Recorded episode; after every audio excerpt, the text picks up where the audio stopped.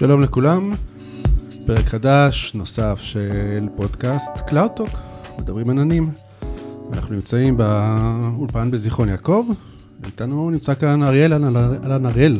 אהלן, בוקר טוב. בוקר טוב, ואיתנו גם ודים סולובי, אהלן ודים.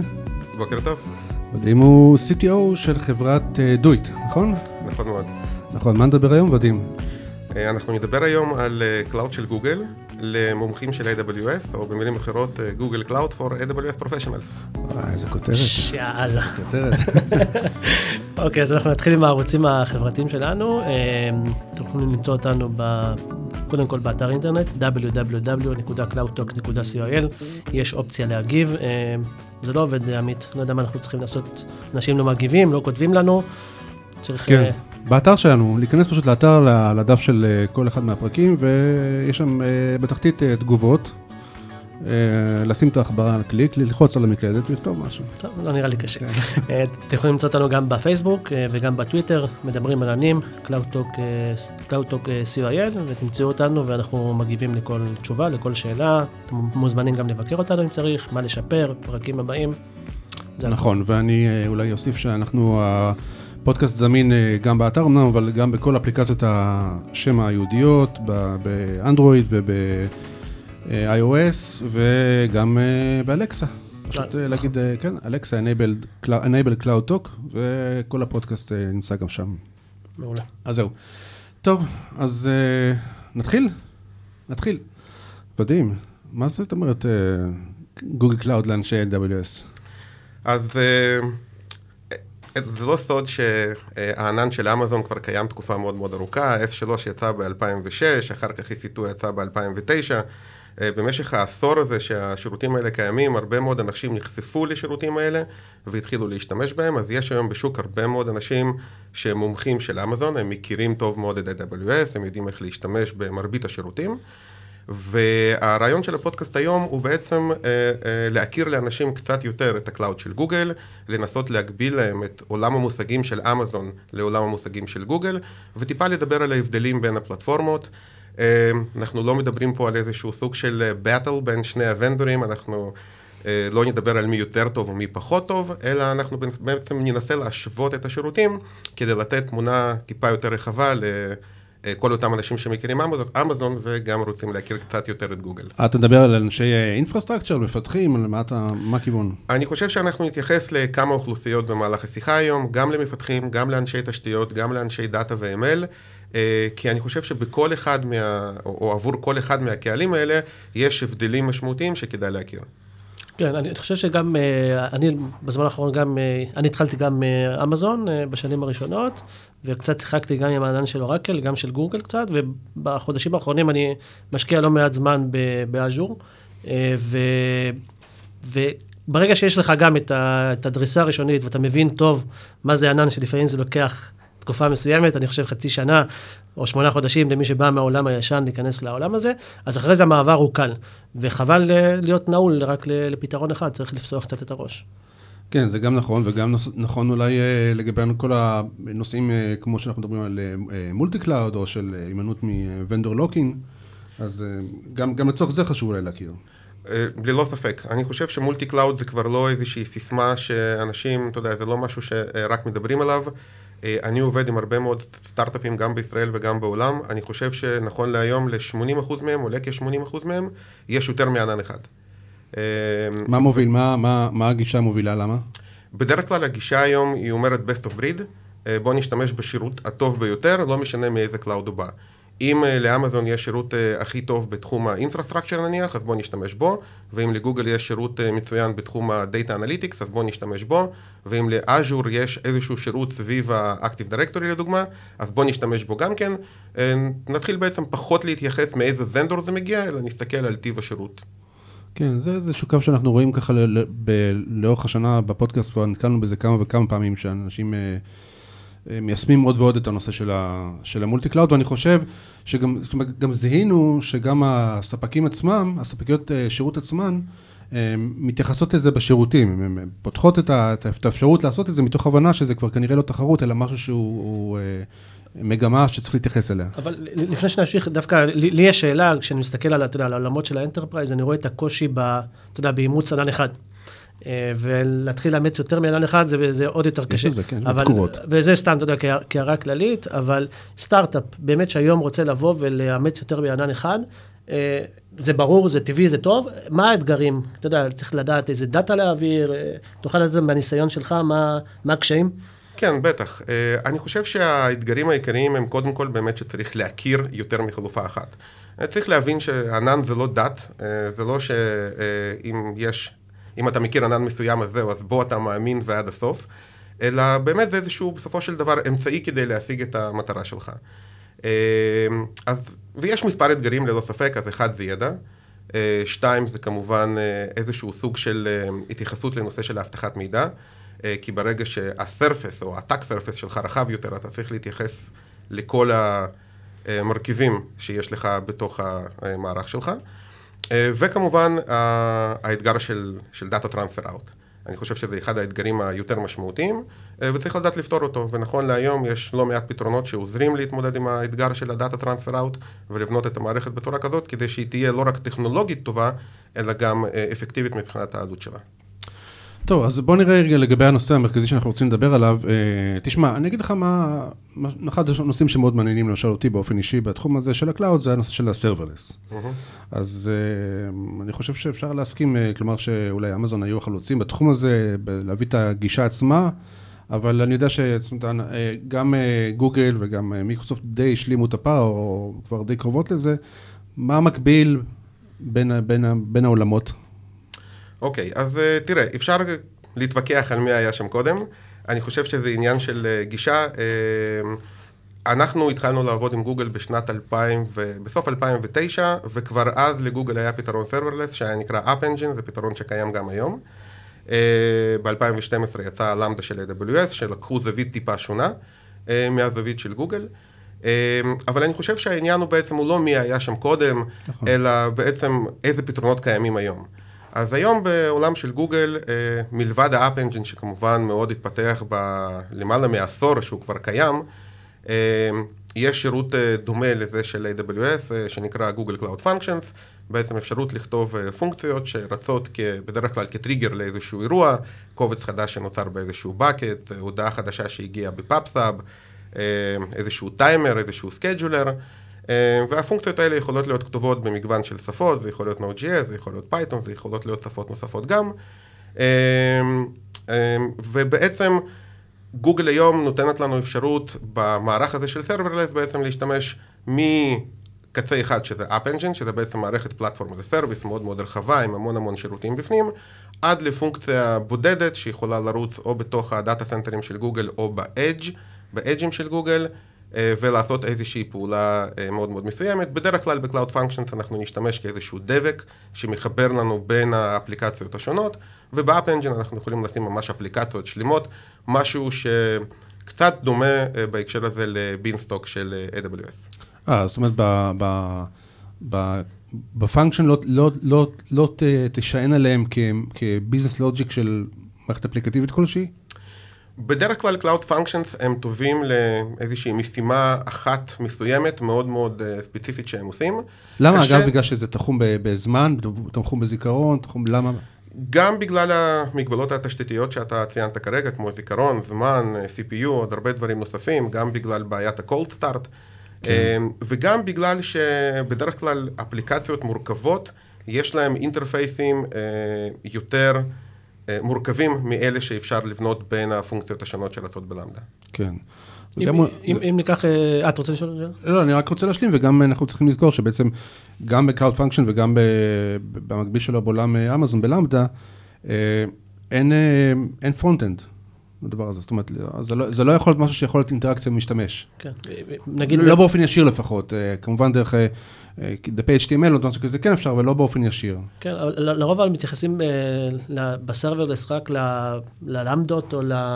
לא, ה serverless זה, זה, זה building blocks שלמי, זו, חבורה. של, אז- שירותים. אז אם אני נגיד לוקח סתם לדוגמה פרויקט שאני משתמש ב-API Gateway, אה, אה, Lambda ו DynamoDB, מה המקבילה של כל, נגיד, תהליך כזה ב Google Cloud? כן, אז בדרך כלל ב Google Cloud אתה תיישם משהו שמערב אה, Cloud Endpoints, שזה המוצר המקביל ל-API Gateway של AWS, אחר כך Cloud Functions או Google App Engine, אה, בהתאם לרוחב של האפליקציה שלך, אם זה משהו מאוד מאוד ספציפי, או באמת מערכת שלמה של microservices שמדברים אחד עם השני. אה, ובסופו של דבר בתחום ה-NoSQL Databases, לגוגל היום יש מגוון יחסית אה, גדול של פתרונות. אה, השניים הנפוצים ביותר זה מערכת שנקראת Big Table. Bigtable זה בעצם אולי האימא של כל ה-NoSQL Databases, מערכת שגוגל פיתחה בשנת 2001, עוד כשאף אחד לא ידע להגיד NoSQL Database. אה, יצא גם איזשהו white paper מאוד מאוד מפורסם ב-2002, שדיבר על Bigtable ועל העקרונות. אחר כך העולם ה open source אימץ את ה-white paper הזה, ובעקבותיו יצאו טכנולוגיות כמו HBase אה, בעולם ה open source. ובגוגל היום נותנת שירות Bigtable, זה ממש service שאפשר לקבל, אגב זה אותו Bigtable שמפעיל היום אפליקציות כמו ג'ימייל, כמו יוטיוב, כמו Google dot com, גם היום כל אחד מהלקוחות שרץ על ה cloud של גוגל יכול בעצם להשתמש באותו Bigtable בדיוק, אה, ו database נוסף מהסוג של NoSQL databases בגוגל אה, נקרא Datastore, זה גם database מאוד מאוד ותיק שקיים בגוגל מ-2008, אה, שבעצם מוסיף על היכולות של Bigtable דברים כמו ACID Transactions, כמו רפליקציה בין הריג'ינים ועוד הרבה מאוד יכולות נוספות. כן, אלה דברים שבעולם של אמזון קיימים ב Dynamo, מה שאתה אומר, כרגע זה נקרא Global Tables. אני חייב שנייה צעד אחד אחורה, לסגור איזושהי פינה, ההבדלים בעצם בין ה-Cloud Function לבין App Engine. אולי טיפה תחדד לנו מה כל אחד מהם. מ-Cloud Function אנחנו מבינים שזה המקביל של למדה, אנחנו יכולים לקחת קוד ולהריץ אותו בתחום בזמן ובצריכה של, של משאבים. ב-Cloud Function אגב, איזה שפות הוא תומך? נכון להיום זה Node.js, Python, Java, ויש עוד רנטיימים נוספים שגוגל הוציאה עכשיו ב... לא תומך בגו? עוד לא תומך בגו. למה לא למרות? שאפשר היום להריץ גו באמצעות פריימורקים אחרים על ה-Cloud Functions. לעשות אנקפסולציה, כן, זה בסדר, אוקיי. אז מה ההבדל בעצם בין זה לבין ה-App Engine? App Engine זה בעצם מערכת שמאפשרת לך לפתח את הקוד שלך במגוון מאוד מאוד מאוד גדול של שפות. למעשה, אתה יכול היום לפתח קוד שירוץ על ה-App Engine כמעט בכל שפה, כולל שפות כמו .NET למשל, שזה לא משהו שהרבה אנשים מכירים. Uh, ו-App Engine, מלבד היכולת שלו uh, להריץ את הקוד שלך בצורה מאוד מאוד סקלבילית, עם כל סטארט uh, מאוד מאוד נמוך, מבחינת הזמן שהוא לוקח, גוגל גם בעצם מספקים איזושהי שכבה שלמה של שירותים שבעצם משלימים את האפליקציה שלך. השירותים האלה יכולים להיות דברים כמו Memcache, יכולים להיות דברים כמו database, יכולים להיות דברים כמו כל מיני סקייג'ולרים שמריצים כל מיני טאסקים, בכלל נושא של ה task management, הרבה מאוד אפליקציות מתקשרות, או הרכיבים השונים בתוך האפליקציה מתקשרים אחד עם השני, הם צריכים איזשהו queue, ה- queue הזה הוא חלק מה-App Engine, ובעצם ככה האפליקציות יכולות לדבר אחת עם השנייה בצורה סינכרונית ומאוד מאוד... כל אלה שירותים שכלולים בתוך ה App Engine, או שהם, או שהם building blocks כאלה שמשולבים בתוכו? לא, לא, זה לגמרי כלים שהם חלק מה App Engine. זאת אומרת, זה סביבת פיתוח וסביבת ריצה עם הרבה מאוד תשתיות מובנות.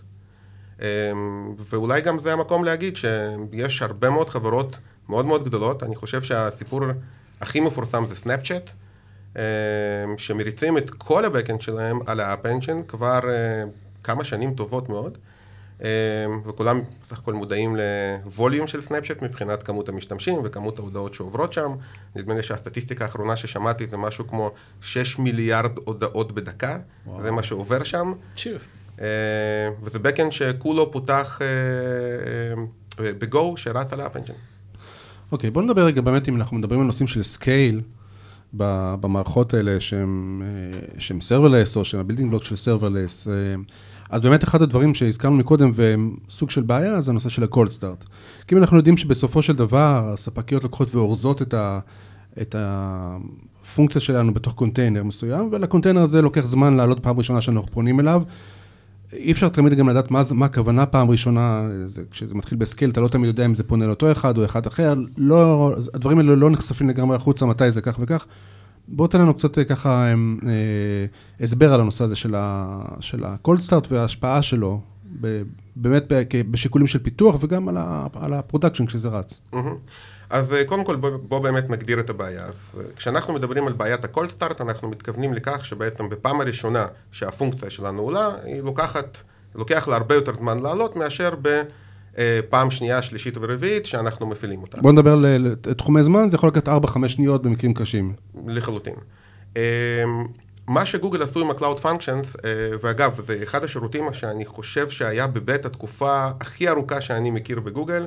אה, Cloud Functions יצאו בגוגל כבטא בשנת 2015, והפכו להיות GA רק לפני בערך חודש. אה, אני חושב שג'ימל עצמו היה הרבה יותר שני בבטא. אה, זה נכון.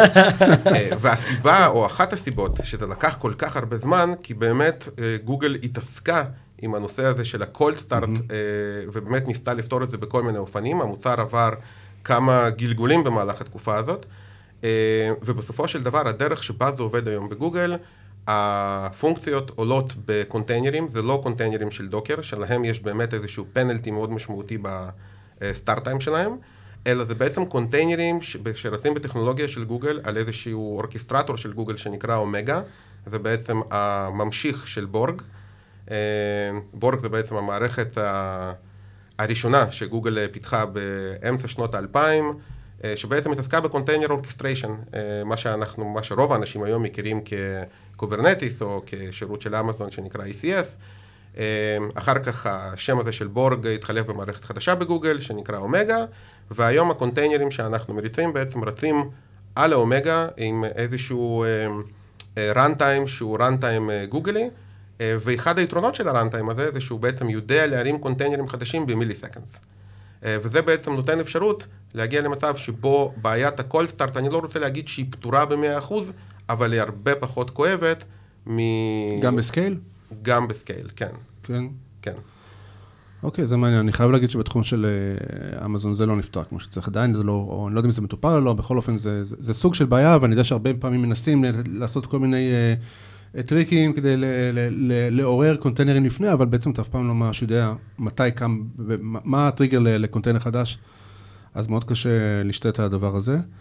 אה, אוקיי, אז בוא... סגרנו את העניין הזה של ה-serverless פחות כן, או יותר. לא- אני חושב שבכלל, כשאנחנו מדברים על serverless, אז אנשים לפעמים באמת חושבים רק על דברים כמו Cloud Functions, אה, אולי על Beanstalk או על App Engine בעולם של גוגל, אבל יש המון המון שירותים שהם בעצם בוודאי. serverless בלי שאנחנו מתכוונים לזה, נכון? נכון, אה, S3. S3 זה לחלוטין serverless. מקביל של כמו- S3 בגוגל?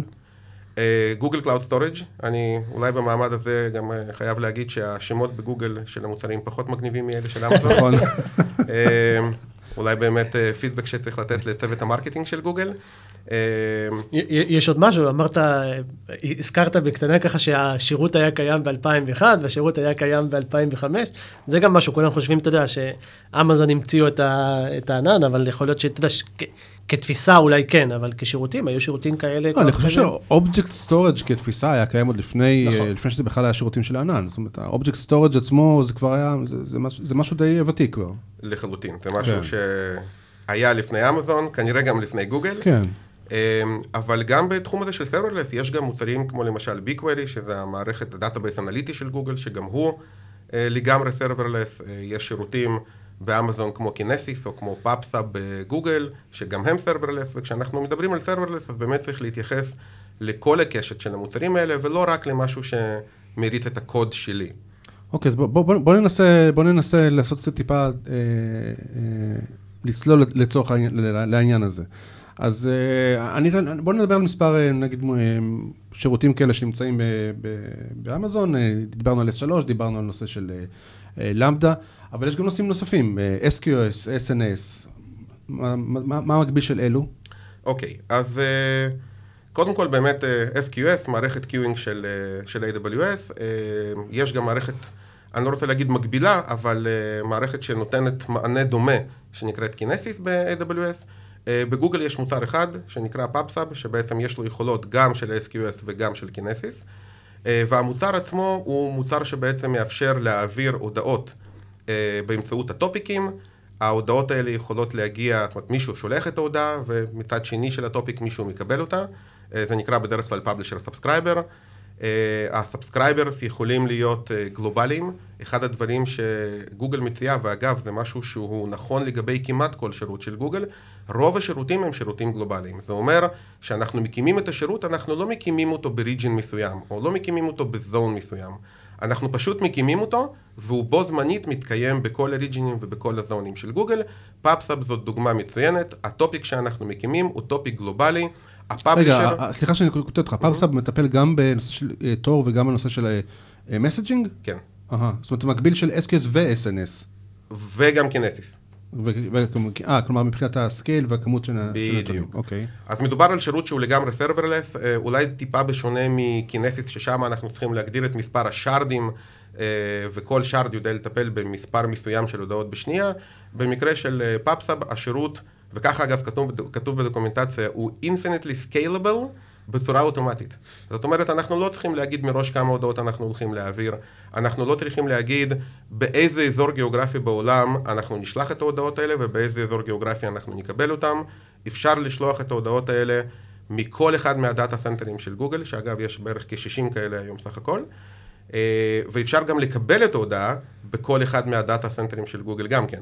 זאת אומרת, יכול להיות מצב שבו יש לנו אפליקציה, יש לנו אה, אנשים, נניח mobile devices, ששולחים הודעות נניח מטיוואן, ואנחנו בכלל קוראים את ההודעות האלה על אותו topic בדיוק ב-data center ב-US East. אפשר, אפשר להגדיר לזה reserved capacity? אה, אין צורך להגדיר reserved capacity ב-PubSub, בגלל שכמו שאמרתי קודם, השירות הוא infinitely scalable. אתה יכול להעביר דרכו 5,000 הודעות בשנייה, אתה יכול גם להעביר 50 מיליון הודעות בשנייה. מבחינתך, אתה לא צריך בעצם להתריע או, או לתת לגוגל איזושהי התראה מראש על כך שאתה הולך להעביר נפח מאוד גדול של, אה, של הודעות. אוקיי. Okay. בואו נדבר על CICD. אוקיי, okay, אה, בואו נדבר על CICD. אז uh, בתחום ה-CICD, וזה דווקא טוב שאנחנו מעלים את זה, uh, לפני שבועיים היה גוגל נקסט, 2018 בסן פרנסיסקו, אחד המוצרים החדשים שגוגל הכריז עליהם, זה מוצר שנקרא Google Build, וה-Google Build זה בעצם מערכת אה, CI של גוגל, אה, שרצה כמובן כולה בענן, היא ב-100% managed, שמאפשרת לנו בעצם להגדיר pipeline שלם של אה, אינטגרציות ושל אה, של האפליקציות שלנו. ביחד עם ההכרזה של Google Build יצאו גם הרבה הכרזות של השותפים העסקיים של גוגל, כמו GitLab, כמו GitHub, על האינטגרציות עם ה-Google Build, כך שהיום אפשר להגיע לתצורה שבה אתה בעצם עובד על הקוד שלך, אתה עושה לו commit, ה-commit הזה מזניק איזשהו pipeline שרץ ב-Google Build, ה-pipeline עושה את מה שהוא עושה, הוא יכול לבנות קונטיינרים של Docker, לפבלש אותם לאיזשהו registry של גוגל או לא של גוגל, יכול להריץ את כל הטסטים, יכול להריץ סביבה או לבנות סביבה של Kubernetes, עליה לעשות deployment של מה שעשיתי לו commit, שמה להריץ את כל הטסטים ובסופו של דבר לקפל את כל הסביבה הזאת כן. חזרה. אוקיי, זה מקביל באמת שירות שגם כן אה, יחסית חדש באמזון, סט של שירותים. אה, די דומים של הנושא של CICD, אבל מה עם קישור נגיד ל-CICD חיצוניים? אה, דוגמת Circle CI, Travis. CI, Bamboo, דברים כאלה, כן. כן, כמעט לכל השירותים האלה יש שם אינטגרציה עם Cloud אה, של גוגל. אה, האינטגרציה הזאת היא אומרת שבעצם הכלים האלה יודעים לגשת קודם כל ל-source repository שאפשר לשמור ב-Google Cloud, ומצד שני... גם חיצוניים, Git? גם חיצוניים כמובן. כן. כאלה שהם managed, כמו GitHub או GitLab, או כאלה שהם on premises אפילו. ומותקנים בחצרי הלקוח. אה, ובנוסף לזה, יש להם גם בדרך כלל אינטגרציה עם ה registry של גוגל, כך שבעצם אם הם אלה שעושים את ה build ומריצים את הטסטים, בסופו של דבר הם יכולים לפבלש את ה artifact שאותו יצרתי, קונטיינר או לא קונטיינר, לתוך הסביבה של גוגל. אגב, אם, אם, אם אני מנסה לקשר את זה למה שדיברנו בתחילת הפרק, איך אנחנו מנסה לחשוב על ה-CICD במערכות שהן multi אה, cloud? אז יש בזה, גם זה סוג של אתגר כשאנחנו מדברים על, על multi cloud. כן, אני חושב שזה אתגר ולא אתגר, וזה נורא תלוי באמת אה, מה התצורה שלך. כי אם עכשיו נבוא ונגיד, אוקיי, יש לנו, נניח אנחנו עובדים עם שני עננים, עם גוגל ועם, אה, ועם אמזון לטובת הדוגמה הזאת. אה, ואנחנו מריצים Kubernetes, יש לנו cluster אחד של Kubernetes באמזון ו cluster אחד של Kubernetes בגוגל.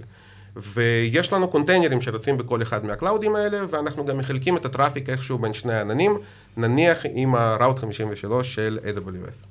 אז הרי בסופו של דבר, בגלל ששני ה clusterים האלה מנוהלים על ידי איזושהי אה, מערכת בקרה אחידה, זה נקרא ב Kubernetes control plane, אז בעצם זה לא משנה מאיזה צד אנחנו עושים את ה-continuous deployment שלנו, הרי באופן אוטומטי זה יתפזר על שני העננים. כן, מה שאתה אומר עכשיו זה נכון כשאתה מדבר על אותו מוצר, כן. אבל כשאנחנו מנסים לדבר נגיד על אה, סתם למדה וגוגל פונקשיינס.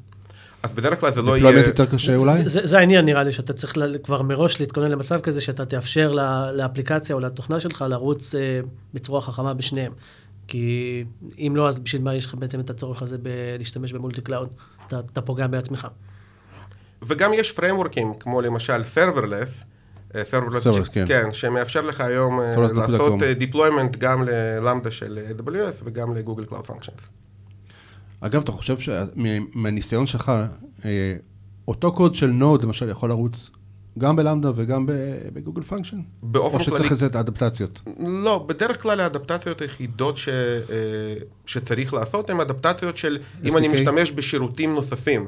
נניח, אם יש לי פונקציה שרצה על Lambda ומדברת עם S3, אז אני אצטרך אולי לשנות כמה שורות קוד כדי לגרום לה אה, לעבוד מול Google Cloud Storage.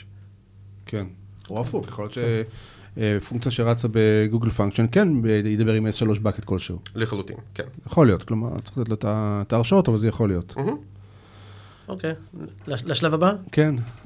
Data, Machine Learning. זה... כן. כן. כן, אוקיי. אז אה, באמת אה, Machine Learning זה תחום מאוד מאוד רחב, מאוד מאוד חם היום, כולם מדברים על זה.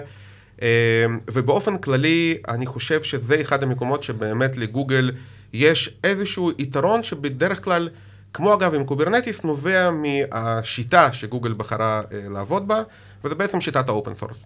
זה אומר שבעצם אה, לא מפתחים מוצר שהוא proprietary של גוגל, שיכול לרוץ רק בגוגל, אלא גוגל בדרך כלל לוקחת משהו שכבר קיים אצלה in-house, עושה לו איזשהו אה, אה, תהליך של אקסטרנליזציה, בעצם מורידה משם את כל התלויות למערכות פנימיות אחרות של גוגל, ומוציאה את זה כגרסה ראשונית של אה, ל open source. ככה קרה למשל עם TensorFlow, וככה גם קרה עם Kubernetes. ואם נדבר טיפה על ה-ML, אז באמת אה, TensorFlow נכון להיום, זה ה Git repository הפופולרי ביותר היום ב GitHub. אה, באמת אלפי אנשים עושים contribution למוצר הזה, אה, ולאט לאט אנחנו גם רואים שגם ספקיות הענן האחרות מתחילות לאמץ אותו. וכך בעצם אני חושב שגוגל מאפשרת היום ללקוחות לבנות את המודלים שלהם, לעשות להם training בכל מקום שהם רוצים, זה יכול להיות על הלפטופ של האנשים, זה יכול להיות בתוך ה data center הפרטי, וזה יכול להיות כשירות מנוהל בגוגל. אמ, וזה מאוד דומה אם אנחנו נסתכל על זה אה, גם ל Kubernetes, שגם שם אה, בעצם זה איזשהו פרויקט שהתחיל מגוגל, יצא ל open source, היום יש לנו Kubernetes, או אנחנו יכולים להרים או להריץ Kubernetes בכל מקום. אה, באמת, החל מה Minikube שרץ על הלפטופ, עד ל deployments מאוד מאוד מאוד גדולים אה, שרצים on premises, וכמובן לקבל את זה כשירותים מנוהלים גם בגוגל וגם ב-AWS. אז גם בתחום של Machine Learning, אותו אה, סיפור בדיוק, TensorFlow as a Service היום בגוגל Cloud, השירות עצמו נקרא Cloud ML Engine, וזה בעצם TensorFlow as a Service עם אולי דבר אחד שגוגל היום נותנת בענן שלה שאי אפשר לקבל כשאנחנו מריצים את ה-TensorFlow במקומות אחרים, וזה TPU. זה בעצם ההארדוור שגוגל מייצרת. אה, קצת... מקביל של ה-GPU. מקביל של ה-GPU, עם אה, תכונות מאוד מאוד מיוחדות לעולם ה-ML, שבעצם מאפשר לעשות גם training וגם inference יותר מהירים. אוקיי, יש לך עוד שאלה לגבי... בעולם הזה של ה machine learning נראה לי לא, מה בעולמות של ה... אולי תרצה ל... כן, אז אולי כן. אני רק עוד מילה אחת לגבי הנושא של ה-ML, אם כבר הזכרנו אותו, וזה שוב אחת ההכרזות משבוע שעבר ב Google Next. Uh, לגוגל יש מוצר של database אנליטי שנקרא BigQuery, מוצר מאוד מאוד פופולרי. אני חושב שזה אחד המוצרים שבאמת הצליחו לגוגל בצורה מאוד מאוד יפה. Uh, ובשבוע שעבר גוגל הכריזה על משהו שנקרא BigQuery ML. BigQuery ML בעצם מאפשר לנו בתוך ה-BigQuery, בתוך ה-BigQuery עצמו, כפי שאנחנו עושים היום, נניח אנחנו מקימים טבלאות עם ה-Statement SQL שאומר Create Table, נותנים את כל השדות של ה... אה, של הטבלה, אה, ואחר כך אנחנו יכולים לתשאל את הטבלה הזאת, אז BigQuery ML מאפשר לנו בעצם לבנות מודלים באמצעות SQL.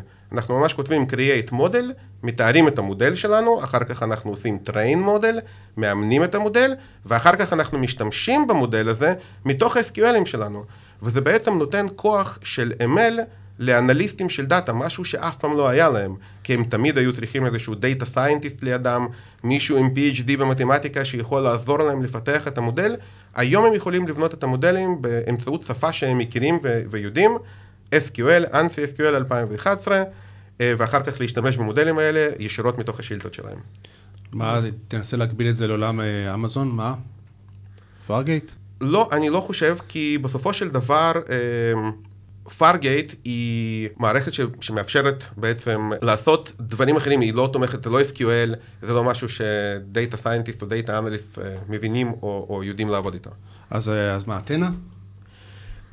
Athena זה פתרון קצת דומה באמת ל BigQuery, זה פתרון שמבוסס על Presto, על database, על open source database של פייסבוק, אבל Presto אין לו יכולות של ML.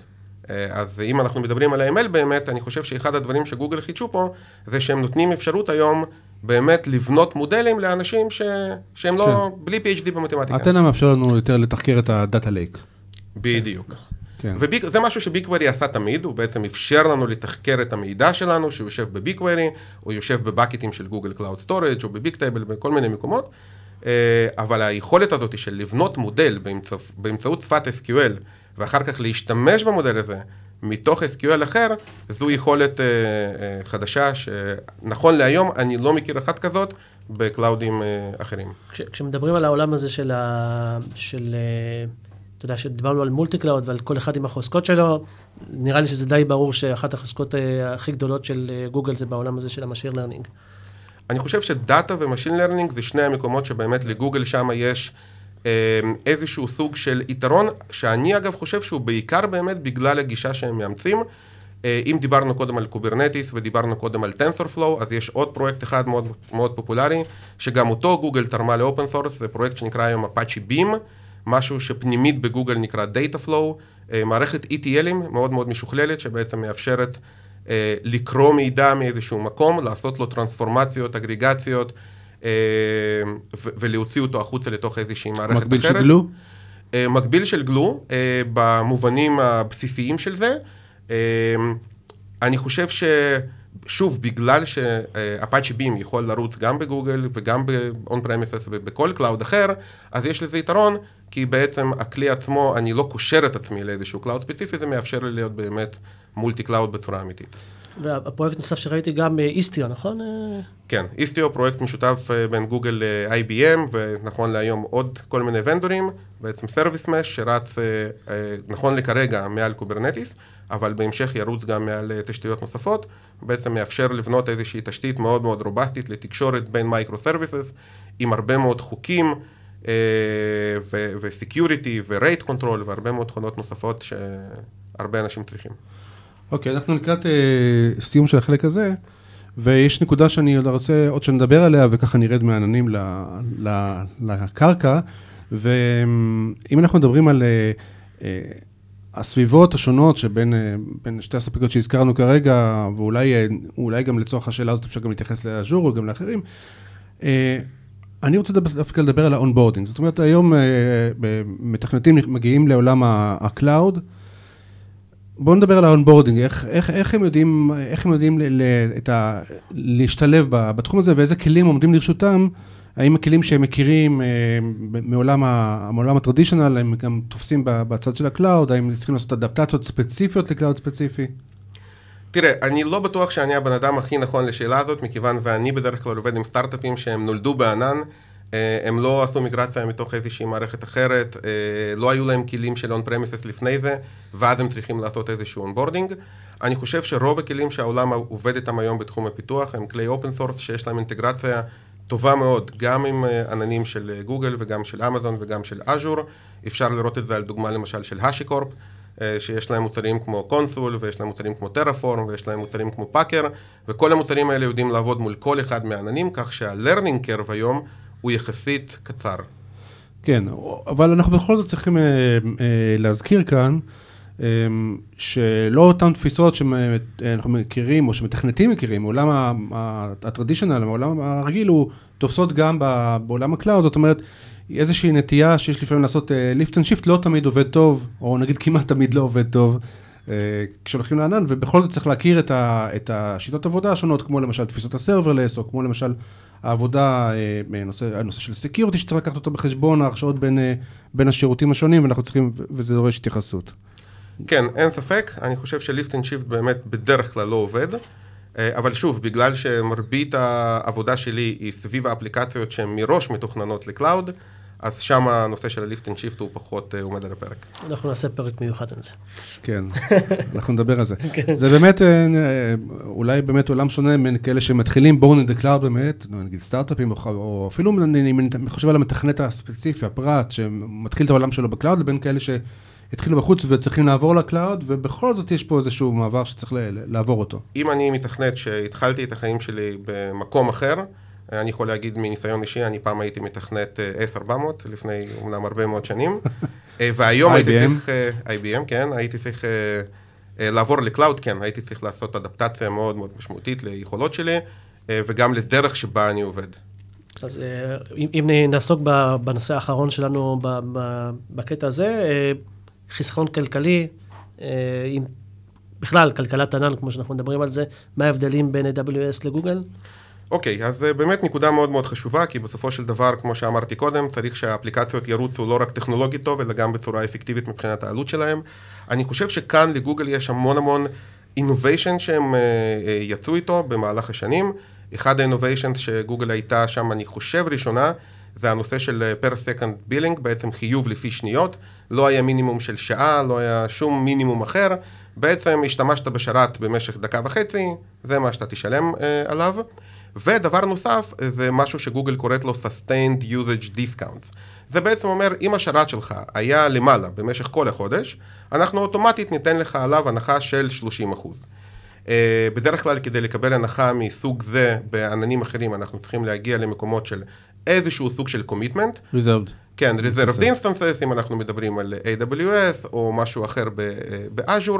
גוגל באים ואומרים, לא, אל תתחייב לשום דבר, כי בסוף הפילוסופיה של הענן אומרת, אמור להיות משהו אלסטי. אז למה להתחייב ולבוא ולהגיד רק ל instance type מסוים ורק ב region מסוים?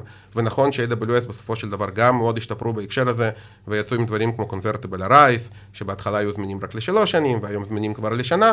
גוגל באה ואומרת, עזבו, אל תתחייבו בכלל.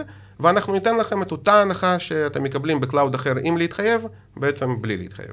כן, אוקיי, עוד משהו נוסף שאנחנו צריכים, אה, שפספסנו? אני חושב שרק אולי דבר אחד שהייתי מעלה כאן, וזה אולי באמת דיברנו על הנושא של ה ML והנושא של דאטה וה serverless, serverless יותר למפתחים, דאטה לאנשי דאטה, אולי נדבר עוד באמת כמה שניות על הנושא של התשתיות. Mm-hmm. אני חושב שאחד הדברים שהם, בהם גוגל מאוד מאוד שונה בתחום הזה של התשתיות, זה הנושא של ה-network. זה בעצם איך גוגל בנתה את ה-SDN שלה, ואיך אנחנו כלקוחות של Google Cloud משתמשים בו. אחד הדברים שאני תמיד אוהב לדבר עליהם זה בעצם ה-VPC הגלובלי של גוגל. אה, בדרך כלל כשאנחנו באים מעננים אחרים, אז אנחנו מקימים VPC, אנחנו שמים אותו בתוך איזשהו region, בתוך ה-region הזה אנחנו בונים subnet ים לפי ה-availability zones שיש לנו בתוך ה-region. בגוגל כשאנחנו בונים VPC, כל מה שאנחנו צריכים לעשות זה בעצם לתת לו שם. אנחנו לא בוחרים region, אנחנו לא בוחרים availability zone, אנחנו לא בוחרים סאבנטים, אנחנו בעצם באופן אוטומטי מקבלים רשת גלובלית שטוחה בכל העולם, אנחנו עכשיו יכולים לקחת שרתים שרצים בטיוואן, או בלונדון, או באמסטרדם, או בארצות הברית, ולשים את כולם בתוך אותו VPC, הם רואים אחד את השני, הם באותם טווחים של כתובות IP פנימיות, והם יכולים לתקשר אחד עם השני. וזה איזושהי, אה, איזשהו שינוי תפיסה מאוד משמעותי לאנשים שבאים מ-cloud ים אחרים, בעצם להבין שהעולם הוא בעצם גלובלי, ואנחנו לא צריכים מראש לבוא ולהגיד, אוקיי, אני רוצה את האפליקציה שלי במקום... אה, גיאוגרפי מסוים. כן. וזה גם מתבטא בהרבה שירותים נוספים של אה, גוגל, למשל ה-load balancer של גוגל. גם ה-load balancer הוא לא load balancer רגיונלי, אנחנו מקימים load balancer, הוא אוטומטית זמין לנו בכל העולם, יש לו כתובת IP גלובלית עם Anycast, כך שבעצם אפשר לפנות לכתובת IP הזאת מכל אזור גיאוגרפי בעולם.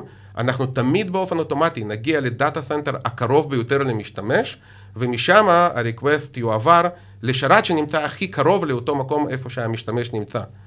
אז הרבה מאוד אה, דברים שקשורים בעצם לתכנון ה-network, ואיזה VPCs אני עושה, ואיך אני מחבר בין כולם, הוא מאוד מאוד מאוד קל בגוגל בהקשר הזה. כן, אני חושב שזה, שזה עניין של גרנולריות, זאת אומרת, אה, אם אנחנו מדברים על הגבלות, יש לזה הגבלה בעולם אמזון, זאת אומרת, באמזון אנחנו נקרא לזה inter connect, inter region, inter VPC connect, סליחה, inter VPC connect, יש לנו אפשרות לקחת שני VPCים ולחבר ביניהם.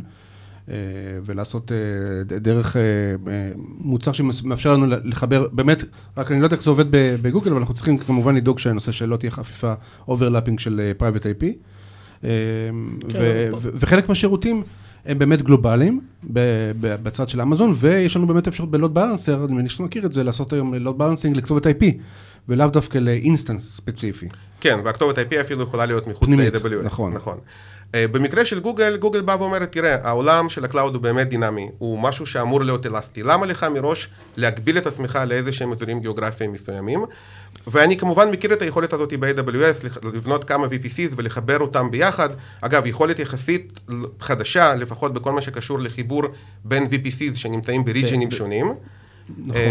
לא תמיד היה שם. כן. ואני חושב שגם בהרבה מאוד מקרים באמת אמזון עושה את הצעדים הנכונים ובאיזשהו מקום עושה דברים דומים לאלה שגוגל עושה. אני רק חושב שבמקרה של גוגל פה בעצם באים ואומרים אוקיי, אל חלק, תחליט זה חלק מה-DNA, כאילו, זה, זה בילדין כזה, כל העניין. בדיוק, גוגל זמינה בכל העולם, אז ככה היא גם רואה את הלקוחות שלה. הם אומרים, אוקיי, היום אתה אולי חברה ישראלית, אתה איזשהו סטארט-אפ, אולי אתה מתחיל עם לקוחות שלך רק בארצות הברית, אבל יכול להיות שבעוד יומיים יהיו לך לקוחות באירופה, ויהיו לך לקוחות נוספים באסיה, אז למה לך בעצם כן. מראש להגביל את עצמך? אבל אני אתקיל אותך עכשיו. אני עכשיו בממשלת ישראל, רוצה לשים, אה, אה, אתה יודע, את הדאטה שלי, מה שמותר לי, רק באזור אה, אירופה, יש אפשרויות כאלה?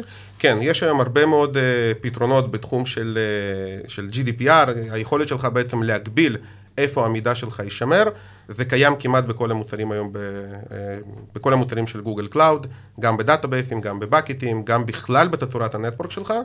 אה, אבל אני חושב שממשלת ישראל זה לא הלקוח הטיפוסי שגוגל אה, רואה לעיניה בדרך כלל. בכלל government זה כן. סיפור אחר לגמרי. לחלוטין. טוב. מכיר את זה. אוקיי, טוב, ודים, תודה רבה. מעניין מאוד לשמוע. כן, עכשיו אנחנו עוברים לאזור של העדכונים חדשות שאנחנו עושים את הפינה שלנו, ואני דווקא כן רוצה לשאול אותך, ודים, הוכרזו בערך בשבוע ב-Google Cloud Next 2018, מעל, 100, מעל 105 אה, או 105 הכרזות. איך, איך אוכלים את כל זה? אוקיי, okay, שאלה טובה. אה, אז אה, אני יכול לספר על איך אני אוכל את זה, או איך אנשים אחרים שעובדים איתי ביחד בדואיט אוכלים את זה. אנחנו משתדלים להשאיר לעצמנו סדר גודל של בערך 40% מהזמן שלנו באופן קבוע ללמידה של דברים חדשים. בתחום שלנו זה הכרח. אמ, ולי יש ממש ימים שלמים במהלך השבוע, בדרך כלל זה יומיים בשבוע, שבהם כל מה שאני עושה, אני בעצם לומד דברים חדשים.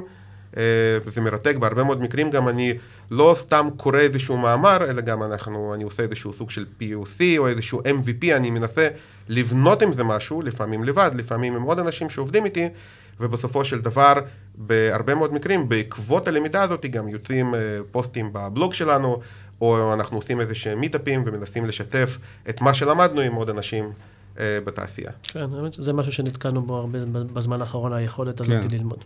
כן. כן, נכון. אוקיי. אה, שמענו שקיבלתם איזה וורד מעניין. כן, אז אה, באמת במסגרת הכנס בארצות הברית, בסן פרנסיסקו, אה, קיבלנו אה, את פרס שותף השנה הגלובלי של אה, גוגל. זו פעם שלישית שאנחנו מקבלים את הפרס הזה, אבל זה מרגש כל פעם מחדש. במיוחד השנה שזכינו בפרס הזה לצד עוד שתי חברות אה, נוספות, שזה סיסקו ודלויט. אה, כבוד גדול מבחינתנו, וללא ספק אה, גאווה מאוד משמעותית. טוב, מפרגנים לכם, כל הכבוד. כל הכבוד, תודה רבה. אוקיי, אתה רוצה להעלות משהו? אנחנו בונים במסגרת ישראל קלאוד סטאר לנוער. אגב, לא, לא, לא תכננתי להגיד את זה, אבל החבר'ה מדלויט תרמו לנו סכום מאוד יפה כדי להתחיל את הפעילות הזו.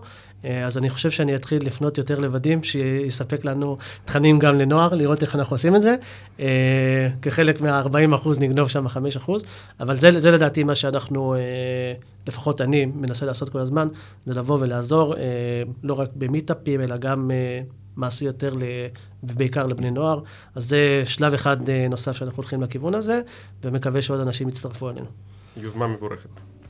יופי. טוב, אוקיי, אז אה, באווירה מאוד חיובית זו, אתה רוצה לתת לנו את הסיומת? כן, אה, אז תמצאו אותנו בכל הערוצים החברתיים, אם זה טוויטר, אה, פייסבוק, אה, אה, מדברים עננים, CloudTalk אה, co.il, וכמובן, הכי חשוב לנו ולעמית בעיקר, זה אתר אינטרנט www.cloudtalk.co.il.